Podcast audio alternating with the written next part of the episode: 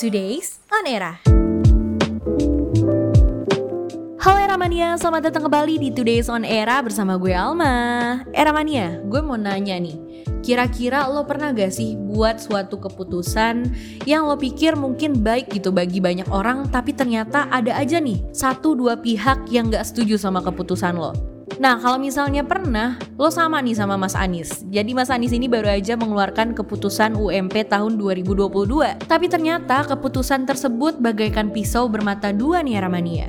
Karena yang semula dianggap menguntungkan bagi berbagai pihak, namun nyatanya nggak demikian. Kalau menurut Ketua Umum Asosiasi Pengusaha Indonesia atau APindo, Haryadi Sukamdani, Mas Anies ini telah melanggar regulasi pengupahan yang udah disepakati nih Ramania. APindo menilai Anies melakukan revisi UMP secara sepihak tanpa memperhatikan pendapat dari dunia usaha. Mas Haryadi juga menjelaskan bahwa UMP ini adalah jaring pengaman sosial ya Ramania. Nah, jaring ini digunakan untuk menetapkan skala upah.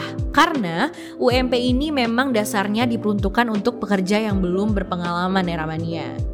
Jadi jika UMP dinaikkan dengan angka tersebut akan menimbulkan resiko yang besar nih bagi para pencari kerja yang baru. Mereka akan kehilangan kesempatan karena UMP yang tinggi ya Ramania. Hal inilah yang akhirnya menuntut perusahaan untuk lebih memilih pekerja dengan pengalaman. Gak sampai di situ era mania, kalangan pengusaha sampai-sampai minta Menteri Dalam Negeri atau Mendagri dan juga Menteri Ketenagakerjaan atau Menaker untuk memberikan sanksi kepada Mas Anies atas revisi UMP DKI Jakarta tahun 2022 era mania.